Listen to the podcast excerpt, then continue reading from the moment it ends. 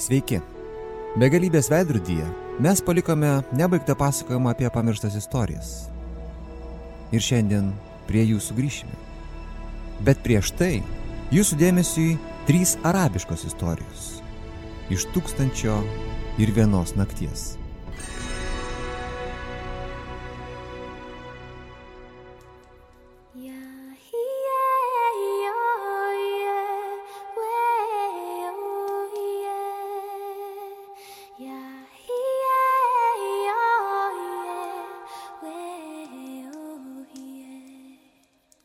Gyveno kadaise du broliai karaliai Šakzamanas ir Šakrirajas.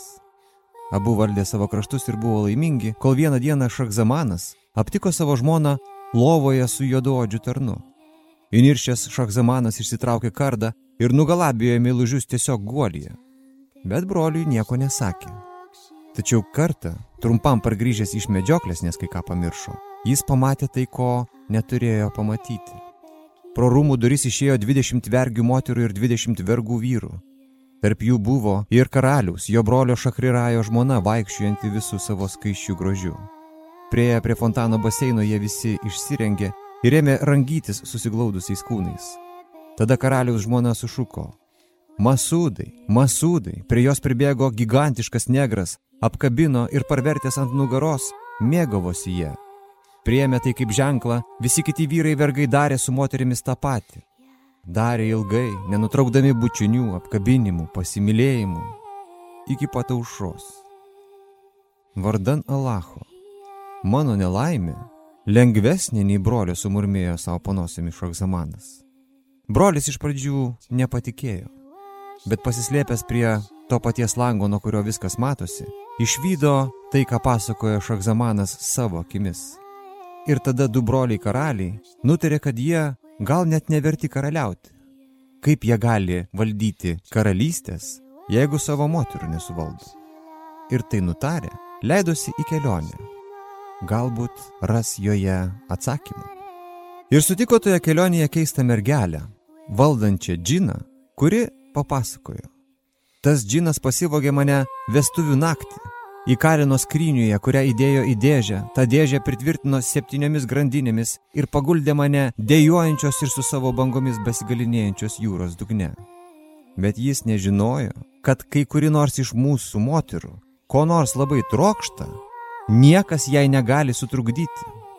Kaip sakė vienas poetas, nepasitikėk moterimis visai mano draugė.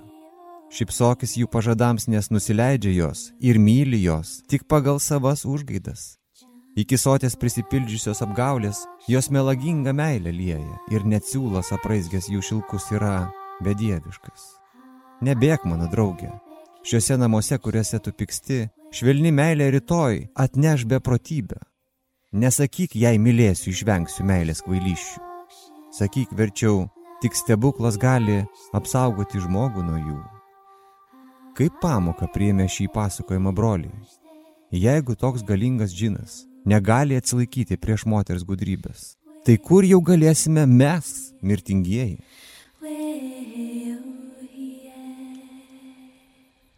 Grįžo karaliai į savo rūmus, kuriuose Šakrirajas įsakė nukirsti galvas ir žmonai ir visiems vergams dalyvavusiems orgijose. O tada paskelbė įsakymą, kas vakar atvesti jam jauną ir nekaltą merginą Jis jas paturėdavo, o ryte liepdavo nukirsti galvą, kad vienos dienos žmona negalėtų jo apgauti. Mirtis tegu būna stipresnė už skrynę jūros dugne. Ir taip trejus metus. Kasdien. Kol siaubingo karaliaus kirštingumo prislėgtame krašte neliko mergelių, kurias dar būtų galima paukoti. Ir taip pas karalių, norėdama išgelbėti savo tėvą, atsidūrė jo vizyrio dukra Šacherezada. Ji pati pasiprašė. Ir nepersigalvojo net po to, kai tėvas papasakojo visą karaliaus istoriją. Aš turiu tai padaryti, gyvensiu ar mirsiu, bet tapsiu musulmonų dukrų išgelbėjimu. Tik saugokis, kad tau nenutiktų kaip toje istorijoje apie asilą jauti ir vyrą perspėjo tėvas. Šioje jau antroje mūsų istorijoje asilas mokino jauti išvengti lauko darbų apsimetant sergančių bet jis nežinojo, kad šeimininkas jų apdovanotas gale suprasti gyvūnų kalbą. Ir žinodamas asilo sumanimus, šeimininkas pamokė asilą. Ir tai jį taip pralinksmino, kad jis ėmė garsiai juoktis. Ko jokiesi? paklausė žmona. Negaliu atsakyti, nes jeigu papasakosiu, mirsiu. Tokia iš tiesų buvo jo galios kaina. Už jos atskleidimą mirtis. Bet žmona net lyžo. Negali papasakoti? Tai turbūt dėl to negali papasakoti, kad jokiesi iš manęs. Privalai man papasakoti. Bet jeigu papasakosiu, turėsiu atsisveikinti su gyvenimu. O jeigu nepapasakosi, aš negalėsiu ramiai gyventi. Ir galiausiai, net laikęs barnių ir kivirčių, vyras nusileido. Jis vis dėlto mylėjo žmoną ir savo vaikų motiną. Jis sukvietė vaikus ir kaimynus, kad prieš mirdamas surašytų palikimą ir visiems pranešė, kad netrukus mirs, nes nusprendė atskleisti žmonai paslapti. Tegul bus su tavimi Alachas šaukė susirinkusieji žmonai. Palik šitą reikalą nuo šalyje, kad tavo vyras, tavo vaikų tėvas nemirtų, galėtų gyventi. Niekada nepaliksiu jo ramybėje, kol jis man neišduos paslapties, net jeigu tektų už tai mirti, atšovė jį. O gal jis ir nemirs, tik tai taip sako. Stojo tyla. Vyras atsistojo ir nuėjo palitvartą į sodą, kad ten apsiplautų prieš mirtį. Bet beidamas išgirdo savo gaidį su šunimi kalbant. Vardan Alacho, Mūsų šeimininkui tiesiog trūksta proto. Aš turiu 50 žmonų ir su visomis kuo puikiausiai susitvarkau. Reikia tik tai žinoti, katrą patenkinti, katrą išbarti. O tas turi tik vieną žmoną ir su ta nesugeba susitvarkyti. Taigi viskas paprasta. Tai reikia nusipjauti keletą gerų šilkmedžio šakų ir mušti ją tol, kol numirs arba jums atgailauti. Esu beveik tikras, kad mirti jinai nenorės. Ir užtikrinu, kad po to ji nebekels daugiau jokių klausimų, jokių scenų, jokiomis temomis. Klausėsi gaidžio šuo, bet girdėjo viską ir šeimininkas. Ir į jo protą sugrįžo šviesa. Ir nusivedė į savo žmoną į atskirą kambarį ir ėmė ją pliekti, kol galiausiai šis sušuko, aš atgailauju, aš atgailauju, aš atsiprašau. Glostė į savo vyro rankas ir kojas ir iš tiesų atgailavo. Ir gyveno toliau jie laimingai ir klestytis iki pat mirties. Gal perspėti norėjo dukra didysis viziris, gal pamokyti, bet tai net grasė Šacherezados nuo jos apsisprendimo.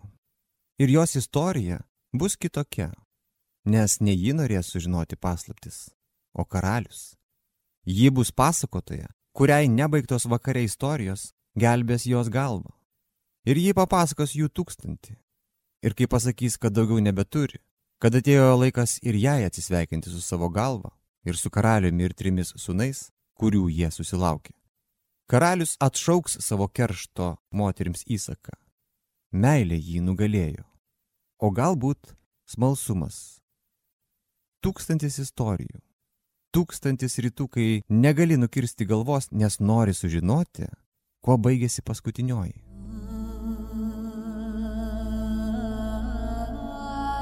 Ir vienoje iš tų tūkstančių istorijų jaunas mylintis susirūpinęs vyras nori išpildyti sergančios žmonos prašymą - parnešti jai obolį.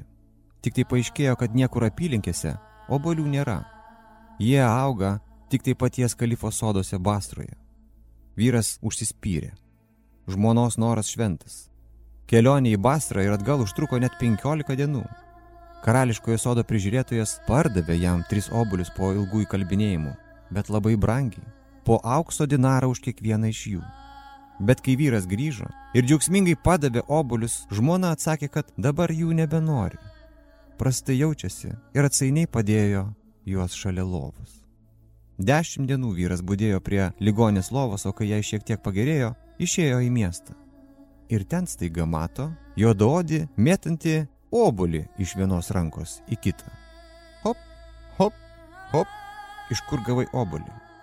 Ai, iš savo meilužės. Šiandien buvau aplankyti ir sužinojau, kad jau kurį laiką serga. Bet užtat gavau obolį, įsivaizduok. Jos vyras parvežė juos iš pačios bastros ir sumokėjo už kiekvieną pauksinį dinarą. Apsiniaukė vyras, kuris sumokėjo už obolį pauksinį dinarą. Grįžo namo ir tiesiai pa žmoną. Parodyk obolius. Ką? Obolius parodyk, sakau. Pasižiūrėk, čia kažkur po lova turi būti. Du. O kodėl du? Kur trečias? Nežinau, kur trečias gal kažkur parėdėjo. Kur trečias obolys, sakau, jau beveik rėkė vyras ir belakstydamas po kambarį iš pykčio ir nevilties, išsitraukė kardą ir ėmė ją kapoti.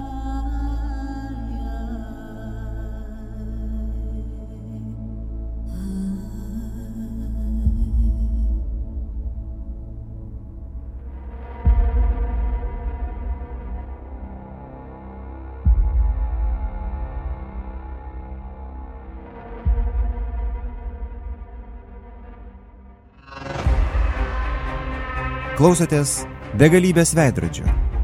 Šiandien ir vėl apie pamirštas istorijas. Antroji dalis.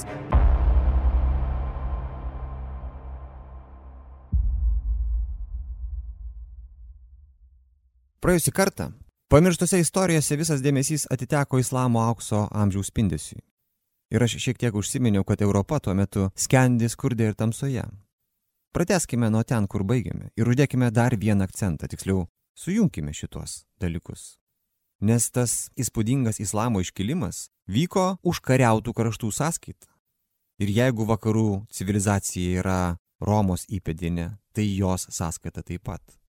Dabar jau sunku yra suvokti, bet nuo Aleksandro Makedoniečio Persijos užkariavimo 330 metais prieš Kristų iki arabų užkariavimų 7 amžiuje po Kristaus, tai yra tūkstantį metų, Šiaurės Afrika, Egiptas, dabartinė Turkija ir Sirija yra ne rytai. Visos viduržėmio jūros pakrantės yra Romos, o po to Bizantijos imperijos žemės. Ko gero, užuot mėginus įsivaizduoti, bus paprasčiau tiesiog pasižiūrėti į seną žemėlapį. Ne tik tai dabartinės Europos, bet ir Šiaurės Afrikos bei artimųjų rytų kraštų žmonės tais laikais yra bendra piliečiai, susirašinėjantis tą pačią oficialią kalbą, naudojantis tą pačią valiutą ir be apribojimų keliaujantis iš vienos teritorijos į kitą. Kai ketvirtajame amžiuje Romos imperija priėmė krikščionybę, šios teritorijos padarė tą patį. Taigi, kai arabai užkariavo šiuos kraštus, jie užkariavo tūkstantį metų juose trukusią graikų romėnų kultūrą. Praėjusioje serijoje aš trumpai užsiminiau apie Jarmuko mūšį. Trumpai, nes tas senas mūšis, ko gero, nedaugam gali būti įdomus. Nedaug kas iš europiečių galėtų parodyti bent apitikslę jo vietą žemėlapyje. O štai musulmonai galėtų. Nes po Jarmuko Arabų kalifatui atiteko visas rytinis viduržėmio jūros krantas, visas Levantas, tai yra istorinis regionas apimantis dabartinius Izraelį, Libaną, Jordaną ir Siriją. Krikščionybė yra Europos motina, o jos gimtinė būtent Levantas. Iš ten Jėzus Kristus, ten savo apaštališką misiją pradėjo, ko gero, didžiausias iš apaštalų šventas Paulius. Damaskas krikščionybės centras. Antijokija miestas, kuriame Jėzaus Kristaus mokiniai pirmą kartą pavadinti krikščionimis. Jeruzalė šventas krikščionims miestas, greta kurio Dievo sūnus buvo nukryžiuotas.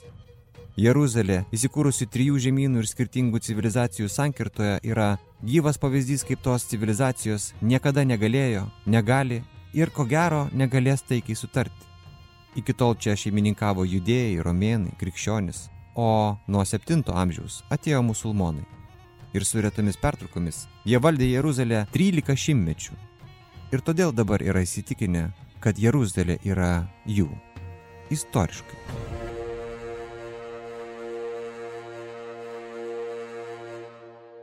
Jeigu norite pamatyti tikrąją pasaulio sostinę, važiuokite būtent į Jeruzalę, sako Valdas Rakutis. Ir dabartinis karas netoli jos yra tik tai vienas iš šimtų karų per tūkstantmečius iki tol. Jeruzalė yra ne miestas ir ne akimirka, kurią galima išsisaugoti nuotraukoje. Tai yra tūkstančius metų karų ir visokiausių žmonių menanti istorija, kurios vienas iš didžiausių posakių prasidėjo nuo Jarmuko. Po Jarmuko Bizantijos imperija prarado tris iš keturių didžiausių savo miestų - Antijokiją, Damaską, Aleksandriją. Jeigu būtų kritęs ir Konstantinopolis, pasaulio žemėlapiai, patikėkit manimi, dabar būtų kitokie. Konstantinopolis atsilaikė, bet vos per 73 metus nuo Jarmuko krikščioniškos žemės nuo artimųjų rytų per Egiptą iki pat Mauritanijos, tai yra dabartinio Maroko, visos tos žemės tapo musulmoniškomis ir praktiškai visos šios krikščioniškos teritorijos buvo prarastos visiems laikams. Ir tai buvo tik tik 14 šimtmečių truksiančio musulmonų veržimosi į vakarus pradžia. Civilizacinės priešpriešos, kurios metu galiausiai kris ir Konstantinopolis, kurios metu islamas įsiverš į Balkanus, kurios metu mūsų jogailaičiai praras du karalius, o galiausiai ir visą dinastiją, kurioje osmanai apsups vieną ir ją išgelbėdamas Jonas Obieskis iškovos paskutinę abiejų tautų respublikos didžią pergalę. Akistotos, kurioje kova visada vyko permainingai ir gali būti, kad būtasis laikas tai akistatai netinka. Gali būti, kad ta akistata niekada nebuvo pasibaigusi. Net jei kažkam ir norėtųsi galvoti kitaip. Galvoti, kad karų laikai baigėsi. Jarmukas buvo nepaprastas mūšis. Tai, kad Bizantijos imperija nesugebėjo tada atsilaikyti, pakeitė tūkstantį metų gyvavusią viduržėmio jūros sistemą ir civilizacinės sandurų ribas. Pakeitė jas visiems laikams. Iki tol, dar iki krikščionybės viduržėmė jūra buvo civilizacijos motina. Civilizacijos, kurioje nuo Platono visi gyvena tarsi varlės aplink balą. Tada nebuvo rytų ir vakarų. Iš tiesų, po to, kai Konstantinopolis tapo naująją Roma, viskas, kas pažangu ir civilizuota, buvo rytuose. Ir didžiąją tų rytų dalį, o taip pat pietus, užkariavo musulmonai. Padalindami buvusi pasaulį, į dalis, į kurias jis niekada iki tol nesidalino. Dabar, kai sakome vakarai, dažniausiai turime omenyje vakarų Europą. Bet Romos imperija buvo ne vakarų Europa. Europa buvo tik tai ketvirtadalis tos imperijos. Tas maždaug ketvirtadalis, kuris sugebėjo atsilaikyti prieš islamo antplūdį.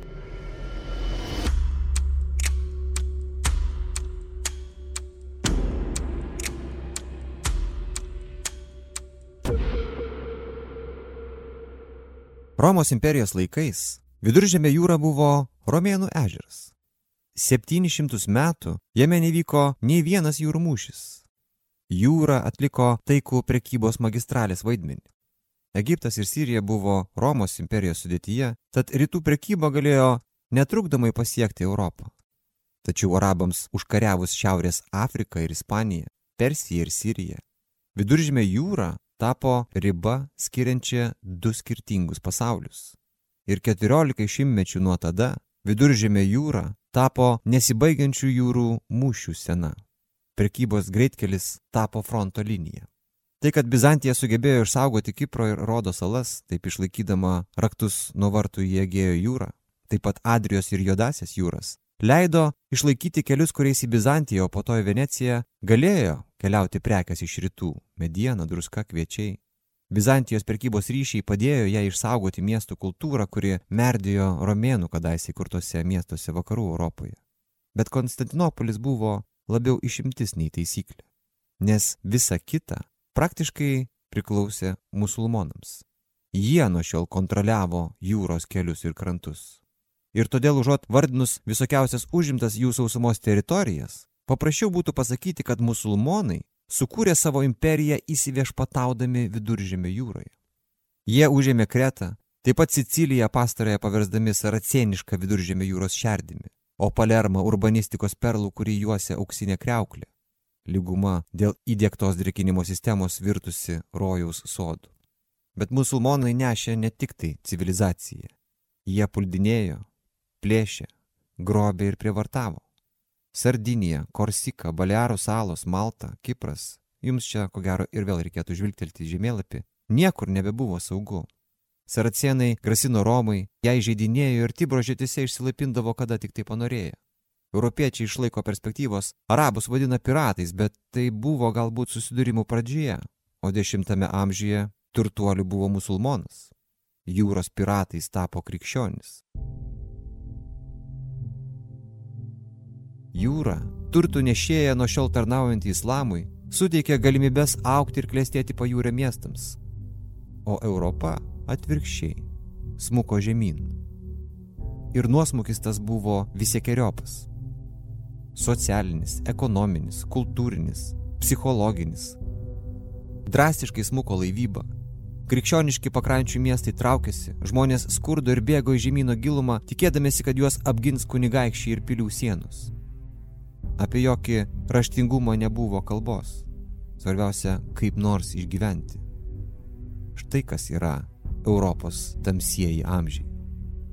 Arabų imperija atkirto vakarų Europą nuo pasaulinės prekybos ir būtent todėl jį ėmė nykti. Tamsieji amžiai truks apie 500 metų. Atkirsta nuo užjūrio prekybos Europa merdės, o musulmoniški kraštai sems turtus ir jų pragyvenimo lygis skirsis maždaug taip, kaip jis skiriasi tarp neturtingų musulmonų kraštų ir vakarų Europos dabar. Tik tai atvirkščiai.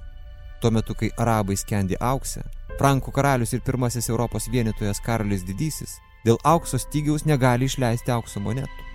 Vakarai pavys rytus tik tai 12 amžiuje, labiausiai ginklų technologijų ir laivų statybų dėka.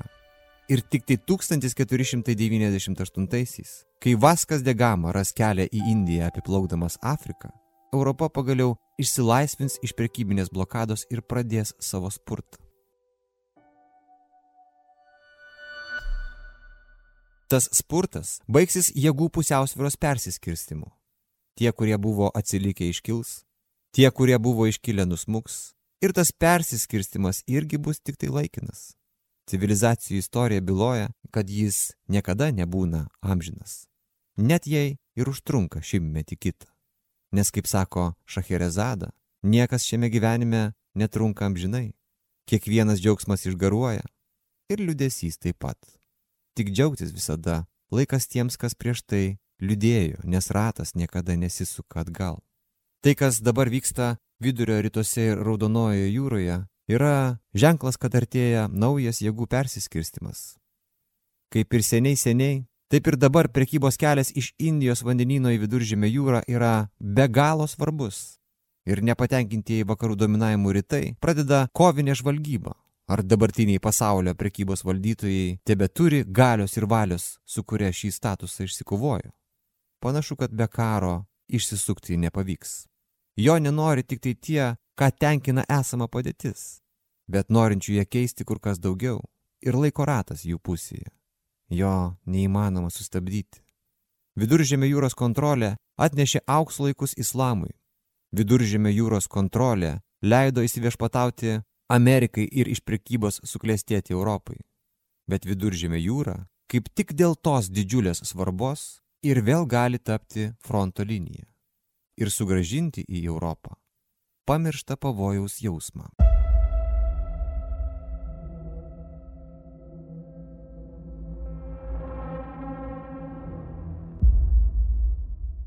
Beveik tūkstantį metų nuo pirmojo Maurų išsilaipinimo Ispanijoje iki turkų įvykdytos antros vienos apgulties Europa nuolat juto pavojų kylantį iš islamo, rašė istorikas Bernardas Liujisas.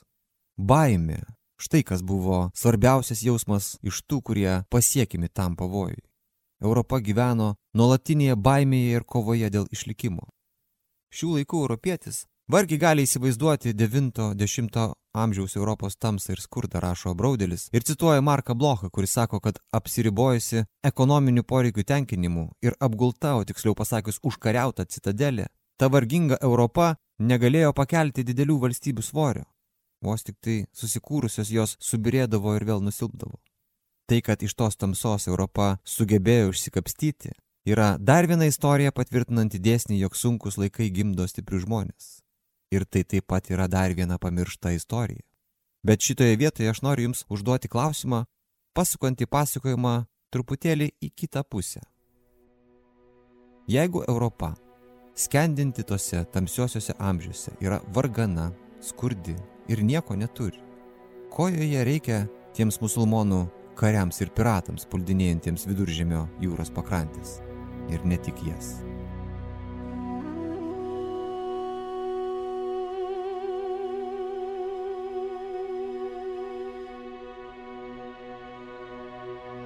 Baimė kaustanti Europos paribių gyventojus tais laikais yra baimė ne tik tai mirti. Tai yra laikas, kai bet kas galėjo būti surakintas grandinėmis ir įsodintas į laivą plaukiant į Šiaurės Afriką ar artimuosius rytus. Štai kodėl Bizantijos, tai yra buvę romėniški miestai, drastiškai traukiasi ir monetų jų vietose archeologai randa vis mažiau ir mažiau. Štai koks yra dar vienas atsakymas į klausimą, kaip keletas milijonų musulmonų per trumpą laiką galėjo įsisavinti tokias milžiniškas teritorijas. Nes užkariauti neužtenka, jas reikia dar ir užvaldyti. Jų strategija buvo dvipusė. Iš vienos pusės racionali tolerancija leidžianti gyventi ir mokėti didesnius mokesčius kitatikiams. Iš kitos užkariautų kraštų žmonių išnaudojimas savoms reikmėms. Taip kaip Anglija niekada nebūtų iškilusi be vergų ir kolonijų, taip ir Arabų imperija be vergų vargu ar būtų galėjusi tapti tuo, kuo tapo. Vergovė. Štai kokia viena iš Islamo imperijos suklėstėjimo priežasčių ir Atsakymas į klausimą, ko gero galintis sugadinti praėjusios serijos pošnumo įspūdį. Iš kur arabų namuose atsirasdavo tos konkubinės, mokančios groti ir poeziją deklamuoti?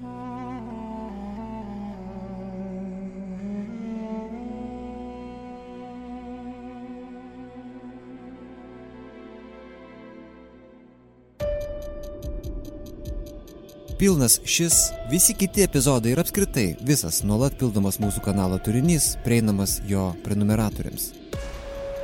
Dėkojame visiems klausantiems, žiūrintiems ir palaikantiems.